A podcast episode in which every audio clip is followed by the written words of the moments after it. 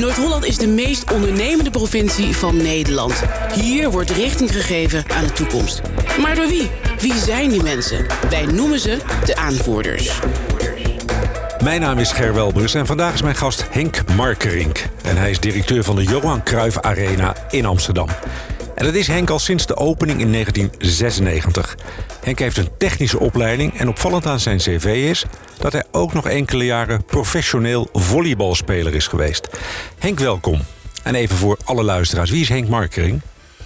Uh, zoals je zegt, directeur van de Johan Cruijff Arena. Uh, ik heb ooit bouwkunde gestudeerd in uh, Eindhoven. ben daar in 1980 afgestudeerd. Uh, nu ben ik nog twee jaar in dienst geweest. Ehm, vervolgens uh, heb ik als ontwerper gewerkt van uh, bruggen en draagconstructies. ik heb vier jaar een civiel-technische afdeling van Arcadis geleid in Hoofddorp. En ben toen bij Twijnstra Gudde terechtgekomen als projectmanager voor grote investeringsprojecten. En zodoende kwam ik in contact met het nieuwe stadionproject omdat Twijnstra Gudde in 1991 de opdracht kreeg... om dat nieuwe stadionproject te begeleiden. De project, het projectmanagement te doen. En uh, die job eh, die, uh, heb ik toen opgepakt. En in 1995 ben ik toen overgeschakeld van Twijnstra Gudde naar het stadion. Uh, zo, zo ben ik eigenlijk hier terechtgekomen. En in, tijdens mijn studie heb ik inderdaad een, een, jaar of acht in de eredivisie gevolleybald. Nog een paar jaar in het Nederlands team. Het Nederlands militaire team en het Nederlands universitaire team. Dus ik heb een, een klein beetje topsport achtergrond. en ik, ik, nu, nu tennis ik alleen nog. Oké, ja. En je wordt niet verleid om mee te gaan voetballen als je die mooie grasmat ziet? Nou, ik, eigenlijk wel, maar ik heb een paar jaar geleden een, een nieuwe heup gehad. En uh, dat wordt afgeraden om daar mee te gaan voetballen. Kijk, kijk, dat is een goede reden. Wie aan de Johan Cruijff Arena denkt, die denkt natuurlijk ook aan Ajax. Hè? Maar er gebeurt veel meer in de arena. Wat, wat, welke evenementen vinden er vooral plaats? Uh, nou, Ajax is gemiddeld zeg maar, ongeveer 50% van onze business. Het ene jaar is het wat meer, ander jaar wat minder. Maar dat is natuurlijk wel de allerbelangrijkste. Het Nederlands elftal komt natuurlijk regelmatig voorbij. Uh, en uh, ook dat is ene jaar wat meer dan het andere jaar. Maar dat is een belangrijke gebruiker van het stadion. Nou, vanaf het prille begin hebben we al goede contacten met Mojo die de internationale concerten uh, bij ons uh, verzorgt. En dat, nou ja, goed, de namen zijn bekend hè, van, de, van de Rolling Stones met U2 en Michael Jackson en Tina Turner. Ehm, in 2000 zijn we begonnen met ID&T, met Sensation. Hè, wat natuurlijk een wereldwijd dancefeest is geworden. Uh, we zijn in uh, 15 jaar geleden met, uh, met René Vroger begonnen met de toppers. Ja. dat was vorig weekend het 15e jaar. Het, het 51ste concert. Ook een hele belangrijke natuurlijk voor ons. en dan zijn er van die, van die incidentele dingen zoals het koninklijk huwelijk... en de begrafenis van Hazes... en nou ja, van hele grote evenementen die voorbij zijn gekomen. En, uh, en we hebben ook nog het Amsterdam Dance Event, uh, heel belangrijk, in oktober. Als onderdeel van ADE is dan het Amsterdam Music Festival bij ons. Uh, dus een grote verscheidenheid. En daarnaast hebben we veel congressen en seminars, kleinere business-to-business events. en dat is het al met al zo'n 150 evenementen per jaar. Oké, dat zijn er aardig veel. Toen in 1996, toen de arena werd geopend... toen werd het gezien als het meest innovatieve stadion ter wereld, hè? Waarom was dat uh, toen zo? Ja, wij waren eigenlijk het eerste echt multifunctionele stadion, uh, met name uh, buiten Amerika. Want in de Verenigde Staten stonden al wel een aantal superdomes... die voor verschillende dingen gebruikt werden... voor American football en baseball en, en concerten. Dus wij waren in die zin niet de, echte, de eerste ter wereld... maar we waren wel het eerste voetbalstadion... wat multifunctioneel werd gebruikt... En uh, dus uh, in, zeker in, uh, buiten de Verenigde Staten hebben heel veel landen en steden naar ons gekeken en zeggen: ja, hoe kun je nu zo'n gebouw meer gebruiken dan die 25 voetbalwedstrijden per jaar? Want het is natuurlijk een hele grote investering. Ja, die, die zoveel mogelijk geld moet genereren om gewoon de broek op te houden. En dat, dat is eigenlijk de uitdaging van, van zo'n groot stadion. En daar, uh, uh, daarom hebben we in 2000 ook een, een consultancybureau opgericht... waarmee we dus onze kennis en ervaring ook weer elders in de wereld uh, zeg maar ter beschikking hebben gesteld. Maar we waren de eerste, en dat hebben we ook al gemerkt... want als je de eerste bent... Het was heel innovatief in die tijd. en dan stoot je ook regelmatig natuurlijk je neus. Onder andere de grasmat. Dat was natuurlijk vanaf het begin een, een, ja. een, een groot hoofdpijndossier. Want ik was goed en wel directeur en toen bleek dat in de arena geen gras wilde groeien omdat er gewoon te weinig licht en te weinig lucht, ventilatie binnenkomt. En dat is voor een voetbalstadion toch wel een vrij essentieel probleem. Ja, zeker. En dat, dat, was ook echt onverwacht dat dat, uh, dat dat niet ging groeien, dat gas? Nou ja, jarenlang waren, de, uh, waren met name de opdrachtgevers... Uh, en ook vanuit de hoek van Ajax-bestuur heel bezorgd dat, over, de, over de grasmat. Hè. Er waren ervaringen met het San Siro-stadion in Milaan... waar het niet wilde ja. groeien. En, dus Uri Coronel onder andere stelde elke, elke maand de vraag in het team van... komt dat wel goed met dat gras? En de experts zeiden altijd van, nou, dat, dat komt wel goed, hè? er is voldoende licht. En dit, nou, maar uh, niemand had eigenlijk ervaring met, met, met zo'n ecosysteem. En het bleek dus gewoon niet te werken. Mhm. En uh, gelukkig hebben we daar, en daar ben ik wel trots op, een oplossing voor gevonden. Die uh, ge nu geleid heeft uh, tot, een, tot een hele goede grasmat. Ja. Die vergelijkbaar is met de, de, zeg maar de, de top van, van de wereld. En wat waren de ingrediënten die je hebt moeten veranderen? Nou, eigenlijk hebben we het ecosysteem uh, nagebouwd wat, uh, wat uh, normaal gras buiten ook heeft. Hè. Dus zonlicht, dat hebben we vervangen door lampen. dus kassen, kassenverlichting en, en ventilatie en, en, en, en, ook een sprinklerinstallatie. Dus we hebben eigenlijk dat die, uh, die elementen teruggebracht die uh, het gras buiten ook ondervindt. En, uh, en, en zo onder die lampen groeit het gras bij ons prima. Mm -hmm. Nou zijn er inmiddels ook weer vele verbouwingen gaande. jullie zitten denk ik er middenin. Want het stadion maakt een enorme metamorfose door. Op welke punten wordt het stadion aangepast? Nou, het stadion is ooit best eigenlijk wel heel goedkoop uh, gebouwd. Het stadion heeft 125 miljoen gekost. Dat is ongeveer een tiende deel van de prijs van het, ja, het Tottenham-stadion... wat net ja. geopend is. Hè. Dat, dat kostte 1,2 miljard.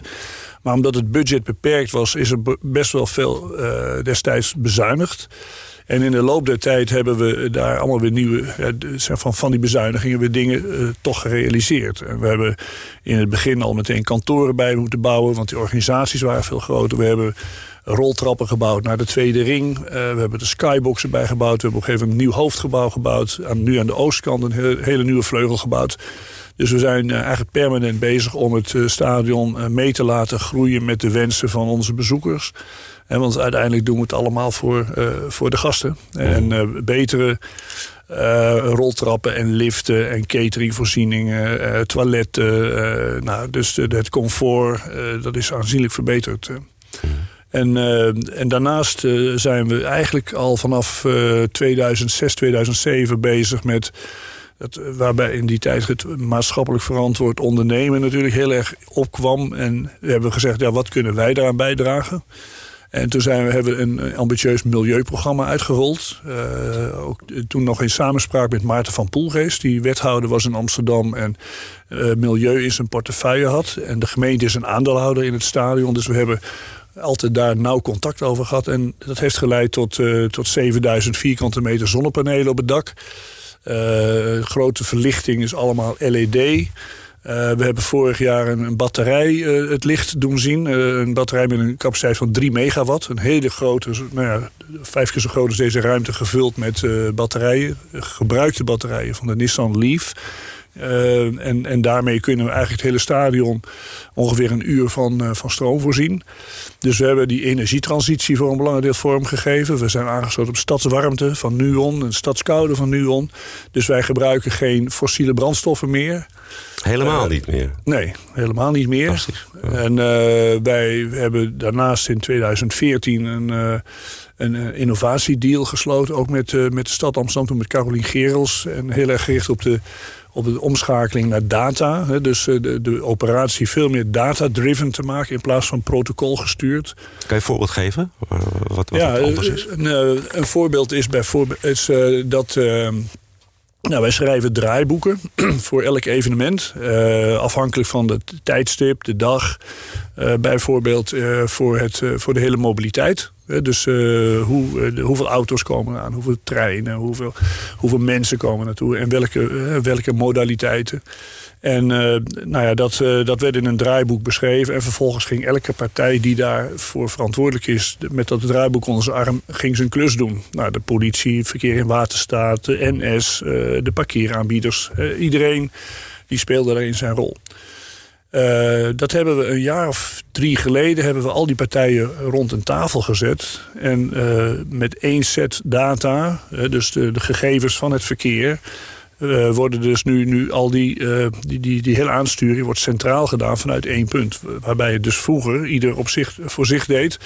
En, en, en op basis van een protocol. Want het is donderdagavond, er komen zoveel auto's, dan moeten we dat doen. En nu zitten we dus om de tafel. Op basis van de data wordt gekeken. Waar komen de auto's vandaan? Hoe is de verkeerssituatie? Wat is de drukte? Hoe moeten we mensen geleiden? Moeten we ze een andere route geven? Et cetera.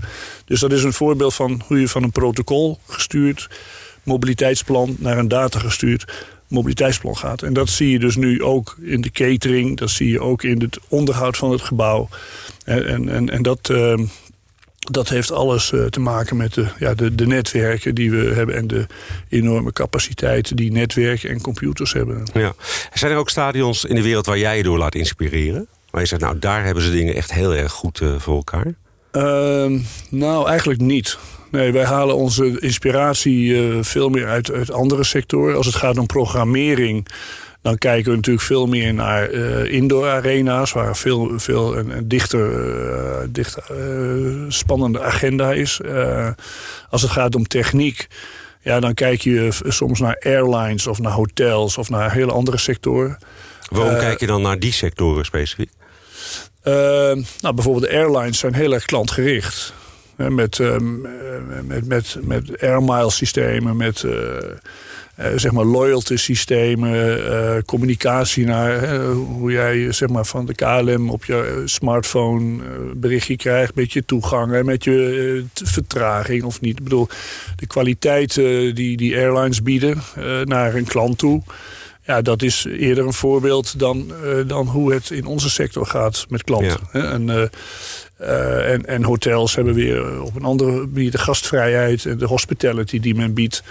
Uh, nou, dus, dus wij, wij, krijgen eigenlijk veel meer inspiratie uit, uh, uit andere sectoren dan de stadions zozeer. Mm -hmm. ja. ja.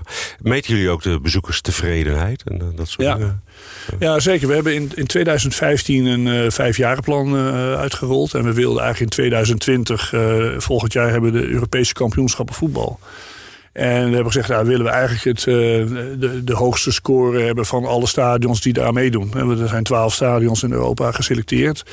En we willen daar gewoon de beste zijn. Uh, nou ja, als het gaat om smart technology, maar ook op uh, klanttevredenheid. En wij meten een paar keer per jaar de, de, de klanttevredenheid op. Op de service, op de kwaliteit van eten en drinken, op schoonmaak, op prijs voor, et cetera, et cetera. We hebben recent ook onze het imago laten meten. Hè, de, de, de, hoe kijkt de wereld ons tegenaan? Wat is onze reputatie? De reputatieonderzoek laten doen. Uh, om met de communicatie ook zoveel mogelijk te kunnen inspelen op uh, ja, wat de mensen goed, wil, goed vinden en wat niet. Wat dus, kwam eruit? Uh, nou, dat, wij scoorden best wel aardig in het reputatieonderzoek. En onder, zowel onder de mensen die regelmatig komen als de mensen die, die er niet zo vaak komen. En een beetje vergelijkbaar eigenlijk met uh, Ziggo Dome en ook een paar andere stadions. Maar het leuke was dat het eigenlijk het, het Van Gogh Museum scoorde daarin het hoogst. Dat had eigenlijk misschien wel de hoogste aaibaarheid en het, qua reputatie was dat, was dat, scoorde die heel erg hoog. Ja. En bij de grote multinationals, want wij zijn maar een klein bedrijfje... maar bij de grote multinationals kwam daar Philips als eerste uit de bus. En, en ook KPN scoorde daar heel hoog en DSM die heel erg met duurzaamheid bezig zijn. Ja, dus, zeker. Uh, dat waren de grote, de grote spelers. In, uh, in, dat. Maar het is wel leuk om, dat, uh, om te zien hoe de wereld tegen je aankijkt. Ja. Nou kunnen er bij sportwedstrijd 53.000 mensen zittend naar de wedstrijd kijken. Is, is die capaciteit nog voldoende heden ten dagen? Of zou dat eigenlijk meer moeten worden? Ja, ik, ik denk dat, dat we op dit moment toch wel heel tevreden zijn met deze capaciteit. we hebben een aantal jaren geleden een onderzoek gedaan... toen wij kandidaat waren voor de wereldkampioenschappen voetbal. die zijn toen uiteindelijk naar Rusland gegaan in 2018. Ehm, en toen hebben we gekeken wat het zou betekenen om naar 65.000 te gaan of naar 70.000. Nou, dan moet je die tweede ring doortrekken. Dat is een hele kostbare operatie. Uh, en daarnaast zijn het eigenlijk de slechtste plekken, want je zit heel erg hoog. Uh, je kijkt in een heel diep gat. Uh, dus financieel was dat nog niet echt een, een hele haalbare casus.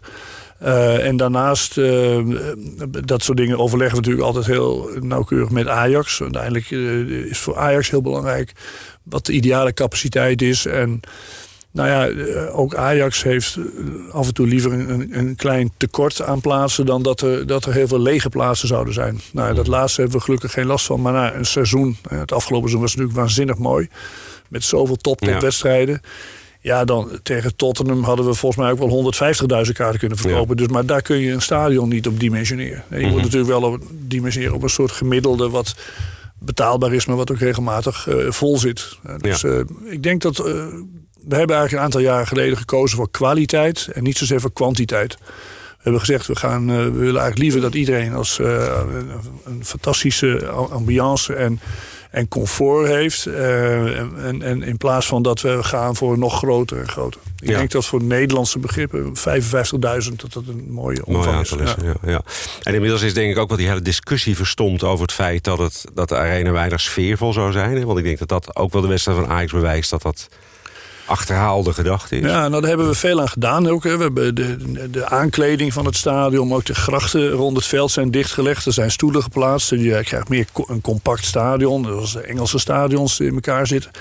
Ja, en de prestatie van Ajax is er natuurlijk heel belangrijk in. Een gebouw is maar een faciliteit. Maar men zegt altijd dat de, de kampioenswedstrijd tegen FC Twente in 2011 in mei 2011, dat was het omslagpunt. Uh, toen, toen, won, toen, won hij, toen won Ajax 3-1 en werd in eigen huis de laatste wedstrijd kampioen. Ja, en dat was de ongekende sfeer. En vanaf dat moment uh, staat de arena ook uh, te boek als een geweldig voetbalstadion met een fantastische sfeer. En gemaakt door de supporters natuurlijk. Die, ja. die, die creëren uit de sfeer. Ja. Concurreer je in Nederland als het gaat om internationale events? Heb je dan concurrenten? Of komen die grote internationale events eigenlijk sowieso naar de Johan Cruijff Arena? Nou ja, hele, hele grote evenementen die kunnen in principe in de Kuip of in het Gelredome. Dat zijn dan de twee stadions uh, die als alternatief kunnen dienen. Uh, en heel veel grote extra naar de, naar de uh, festivals. Naar Pinkpop ja. of naar Lowlands. de, en daarnaast hebben wij natuurlijk gewoon te maken met een agenda. Je kunt niet eindeloos alles programmeren, omdat je met, met name met voetbal zit. En, en, dus het, uh, over het algemeen, als er een grote act zich aandient die in een stadion wil staan, dan komt Mojo bij ons. Maar het, ja, het lukt niet altijd qua, qua agenda. Maar ik, wij zijn wel een van de favoriete stadions, omdat het ook Amsterdam is. De artiesten zitten graag in Amsterdam in het hotel, heb ik wel eens begrepen. En uh, uh, maar uh, dus als het bij ons kan, dan is het wel in principe bij ons. Ja, jullie zijn bij, als er evenementen plaatsvinden en wedstrijden, zijn jullie ook grote werkgever, denk ik, in dat gebied. Er zijn altijd veel mensen aan het werk. De arbeidsmarkt is krap op dit moment. Heb je daar ook last van als je naar de bemensing kijkt? Ja, dat is een, een heel mooi punt wat je noemt. Omdat wij hebben zo'n 500, 600 stewards. En we hebben nog een 150 beveiligers. En we hebben nou ja, wel zo'n 1000 cateringmedewerkers. En dus al met al zijn er toch wel zo'n 2, 2.500 mensen aan het werk bij een groot evenement. En het is voor ons heel moeilijk om uh, voldoende personeel uh, te vinden voor deze jobs. Uh, maar dat geldt in zijn algemeenheid in het gebied. Uh, ook uh, IKEA zit te springen om mensen. de aannemers zitten te springen om mensen. het AMC, ING, iedereen eigenlijk. We hebben veel contact met het bedrijfsleven in Zuidoost. Dus ik ben een half jaar geleden naar wethouder Grootwassing gestapt en zegt, eh, Rutger, het kan toch niet zo zijn dat wij eh, duizenden uh, mensen nodig hebben. En in in de Bijlmer, in Zuidoost, zijn ongeveer 6000 mensen die in de, in de, in de bijstand zitten. Op de een of andere manier zit dat systeem vast. Wij moeten kijken of we dat kunnen losmaken. En dat we daar een, een, stroom op gang brengen, zodat al die mensen mee gaan doen. En, dus dat project dat zetten we, staat op dit moment in de stijgers. we krijgen daar veel hulp ook van, van zeg maar het stadhuis en van de, van het stadsdeel Zuidoost. En van de bedrijven, met name ook Randstad, en, die daar mensen inzet. En uh, wij willen ja, binnenkort echt uh, dat die motor uh, flink gaat draaien. En dat, dat we heel veel mensen kunnen activeren zeg maar, om mee te gaan doen. Mm -hmm. en, wat wordt dan het, de kernboodschap daaraan, daarbij? Nou, de kernboodschap zou je kunnen noemen, ja, we make the city. Ik bedoel, dat de, de, de bewoners kunnen in Zuidoost eigenlijk hun eigen stad helpen bouwen en, en managen. En, en daar komt ook voor, voor honderden miljoenen aan gebouwen nu uit de grond. Er zijn, als je in de hele strook kijkt, van de Rembrandtoren tot het AMC... Nou, er ligt wel een bouwprogramma misschien wel van 1 miljard uh, op dit moment op de tekentafel. En, en uh, daar zijn heel veel mensen voor nodig. Mm -hmm. en, en de mensen in Zuidoost kunnen eigenlijk hun eigen stad helpen bouwen. En, en dat uh, lijkt mij gewoon dat lijkt me erg leuk om daar aan mee te doen als, als bewoner van dat gebied. Dus uh, in, in, onder dat motto zeggen wij van kom op, help ons. Ja, dus dat is één ambitie die je in ieder geval hebt voor nu. Hè? Wat zijn nog andere ambities die de Arena voor de komende jaren heeft? Uh, nou ja, de andere ambitie is uh, dat, dat duurzaamheidsprogramma wat we nu uh, hebben uitgerold, om dat verder nog te vervolmaken en, en ook dat te gaan delen met de buren. Mm -hmm. dus als wij zo'n energy transitie hebben gemaakt, dat zouden de buren ook kunnen doen. En we kunnen eigenlijk al die systemen aan elkaar koppelen. En dan zou je dus over een paar jaar gewoon zelf, zelfstandig kunnen zijn qua energievoorziening in het gebied. Mm -hmm. Nou, dat is een, een grote uitdaging. Uh, en, en uh, daarnaast die hele digitalisering. Uh, dus dat, dat moet nog verder leiden tot een tot hele gemakkelijke in- en uitstroom van het verkeer. Een hele veilige en prettige omgeving. Uh, dus op allerhande manieren proberen wij de technologie uh, te gebruiken om uh, ja, het, het gebied beter te laten functioneren. Want het is natuurlijk wel heel erg spannend. Op een donderdagavond, als alles in functie is, dan moeten er honderdduizend mensen het gebied in. Ja. En daar werken ook 50.000 mensen die het gebied uit moeten. Dus die, dat vergt een, een, hele, een hele strakke operatie, die alleen maar moeilijker wordt. Dus wij moeten daar ook de techniek gebruiken om, om dat allemaal seamless te laten verlopen. Ja. En dus wij, wij, uh, wij zijn eigenlijk steeds meer ook bezig met onze omgeving. Met onze stakeholders, met uh, ja, hoe het hele gebied uh, gaat werken. Ook met de stad Amsterdam samen, hoe we Zuidoost vorm zouden moeten geven. Hoe dat, die smart city van de toekomst eruit ziet. Mooi, ja. Ben je zelf bij ieder evenement aanwezig? In principe wel, ja. ja, ja. Want uh, uiteindelijk hebben wij wel de verantwoordelijkheid voor het welzijn van uh, 50.000, uh, 60.000 mensen. Het afgelopen weekend waren twee toppersconcerten, ja. twee keer 65.000 mensen. Dat is allemaal prima verlopen. Maar dan ga ik niet rustig thuis in mijn mandje liggen. Nee, dus ik, ik wil er wel graag bij zijn, maar we zijn ook uiteindelijk verantwoordelijk. Ja, ja. Maar dat is 22 jaar uh, heel veel evenementen voorbij zien komen. Ja. Is er nou één artiest of één evenement waarvan je zegt... nou, dat vond ik echt uh, mijn mooiste ervaring tot nu toe? Ja, dat, die vraag krijg ik regelmatig. Uh, maar er is niet echt één hoogtepunt. Het is een aaneenschakeling van hoogtepunten.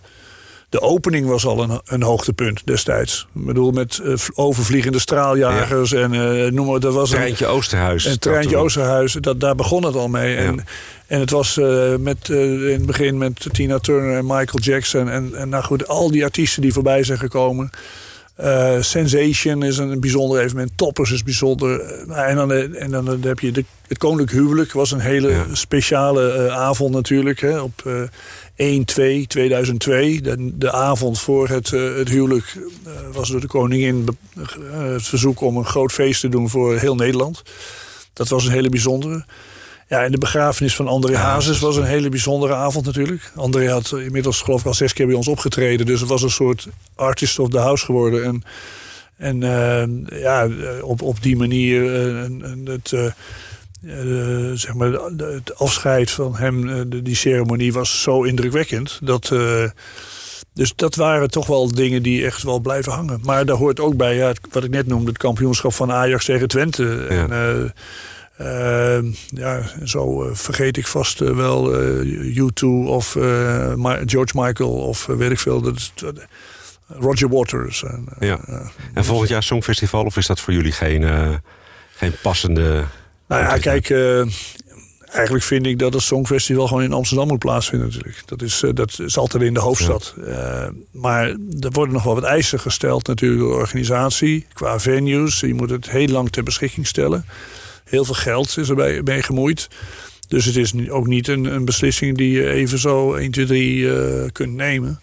Maar we praten daar wel over met z'n allen. Uh, en het ei wordt pas, pas uh, volgens mij uh, in, in, augustus, september gelegd.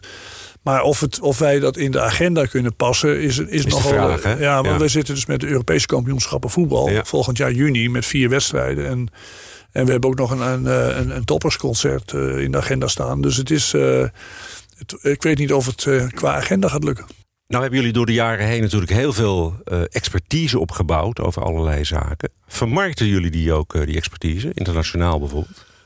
Ja, dat, uh, dat is een belangrijke poot van onze organisatie geworden in de, op de, in loop der tijd. Uh, al vanaf de opening kwam eigenlijk de hele wereld bij ons kijken. Want als iemand een nieuw stadion wilde bouwen, dan gingen ze naar de UEFA of de FIFA en zeggen: ja, welk stadion is nou het model van de toekomst? En zeiden ze: ah, moet je in Amsterdam gaan kijken, want dat is eigenlijk hoe een voetbalstadion eruit moet zien. Uh, en wij stonden dus eigenlijk elke week wel een, eh, een, een, halve dag een presentatie te geven voor een delegatie uit uh, Japan of Korea of Zuid-Amerika, waar dan ook vandaan. Dus wij zijn in 2000 begonnen met Amsterdam Arena Advisory. En wij hebben ja, eigenlijk bij heel veel stadions in Europa geholpen in het hele prille begin. Echt in de haalbaarheidsfase van ja, wat kun je nou met een stadion zoal doen? Wat kost zo'n stadion? Wat brengt het op uh, in exploitatie? Veel businessplannen geschreven. Nou, dat is gegroeid tot een hoogtepunt eigenlijk in 2014. Daar hebben we, begeleiden we hebben drie stadions begeleid in Brazilië voor de WK. En uh, tegelijkertijd zaten we met een team in Qatar voor de voorbereiding van de WK in 2022. En we zaten ook in Rusland uh, voor de WK in 2018. Dus ik geloof dat al met al hadden we zo'n 35 mensen uh, her en der in de wereld die voor ons werkten in de, in de consultancy. Uh, daarna is weer, hebben we dat weer voor een belangrijk deel afgebouwd. Omdat de, de, markt in Brazilië die, die stortte als het ware in. En de, de, door de olieprijzen in Qatar ging, was het geld even op. En heeft men dat ook weer wat teruggebracht. Maar we zijn daar nu wel weer, ook weer in, in gesprek om te helpen de organisaties op te zetten voor de WK in 2022. Uh, dus wij, uh, wij opereren eigenlijk wel uh, op in heel veel verschillende landen. We zijn nu ook uh, in China gevraagd om weer wat uit te rollen. Dus um, ja, dat is. en, en dat is ook heel leerzaam, want als je de wereld rond kijkt, dan leer je daar weer dingen die je ook hier ja, in Amsterdam weer kunt toepassen. Dus ja. het werkt ook wel weer twee kanten op. Ja. En, de, en je trekt een heel bedrijfsleven met je mee, die graag samen met je zo'n zo'n wereldreis maakt. Dus in het verleden met Philips of met, uh, met de BAM of met, uh, met, nu met Microsoft of met KPMG, met, met Huawei. Met al de partners zijn wij dus ook in de hele wereld actief. Kan je ook eens vertellen over de test die jullie gaan doen met 5G? Want ik begreep dat de Johan Cruijff Arena een van de testlocaties wordt. Hè? Ja, we zijn, dat, is, dat project is begonnen afgelopen oktober. Uh, toen heeft KPN uh, drie testlocaties in Nederland benoemd. Uh, en wij zijn er daar één van. dus wij ehm, we hebben een, we werken nu met 5G. Maar je moet je voorstellen, de user cases van 5G, daar is nog heel, veel, heel weinig over bekend. Zoals een meneer van KPN dat heel mooi uitdrukt. Die zegt toen we de eerste tv kregen, wat we uitzonden was een hoorspel. Uh, en, en zo kijkt men nu op dit moment ook naar 5G. Je doet dingen van 4G met 5G, maar daar is 5G niet voor. 5G gaat over heel veel data en heel snel. En de user cases waar wij onder andere mee uh, werken nu is... Uh, om, om beveiligers een bodycam te geven met ook artificial intelligence. Dat die camera die kan zien uh, waar er uh, zeg maar dreigingen zijn qua uh, spanningen, qua vechtpartijen, whatever. Dus je hebt artificial intelligence die al aan patronen van, van, van de crowd kan zien of er ergens iets aan de hand is. En door die, die, die artificial intelligence toe te voegen heb je heel veel data nodig. Hè? En net als bij virtual reality. Hè? Dus als je met beelden gaat werken, daar heb je ook heel veel data bij nodig. Dus en als je al aan de spelsituaties in het stadion, als je kijkt naar een wedstrijd en je speelt tegelijkertijd een spel op je, op je, op je smartphone, nou, dat soort dingen. Ja, daar heb je heel veel data van. En dat kan, dat kan over 5G. Mhm. Nou, we hebben zo een stuk of vijf user cases waar, waar we dus nu mee, mee oefenen en mee experimenteren. En, uh, en daar komen heel interessante dingen uit. Uh, maar dat staat nog echt uh, in de kinderschoenen. En, en, en heel veel, ja, onze normale smartphone is nog niet 5G. Ja. Dus het is nog heel moeilijk om dat met, met bezoekers ook te doen. Maar met professionele apparatuur uh, gaat dat, uh, lukt dat wel. Nou, spannende tijden zijn dat, Henk. Um, ik wil je voor nu bedanken voor, uh, voor je bijdrage aan deze podcast. En ik hoop je graag over niet al te lange tijd weer hier te ontvangen. Want dan kunnen we bijpraten waar de Johan Cruijff Arena dan staat. Hartelijk dank en tot ziens. Dit was De Aanvoerders, een podcastserie van NH Media.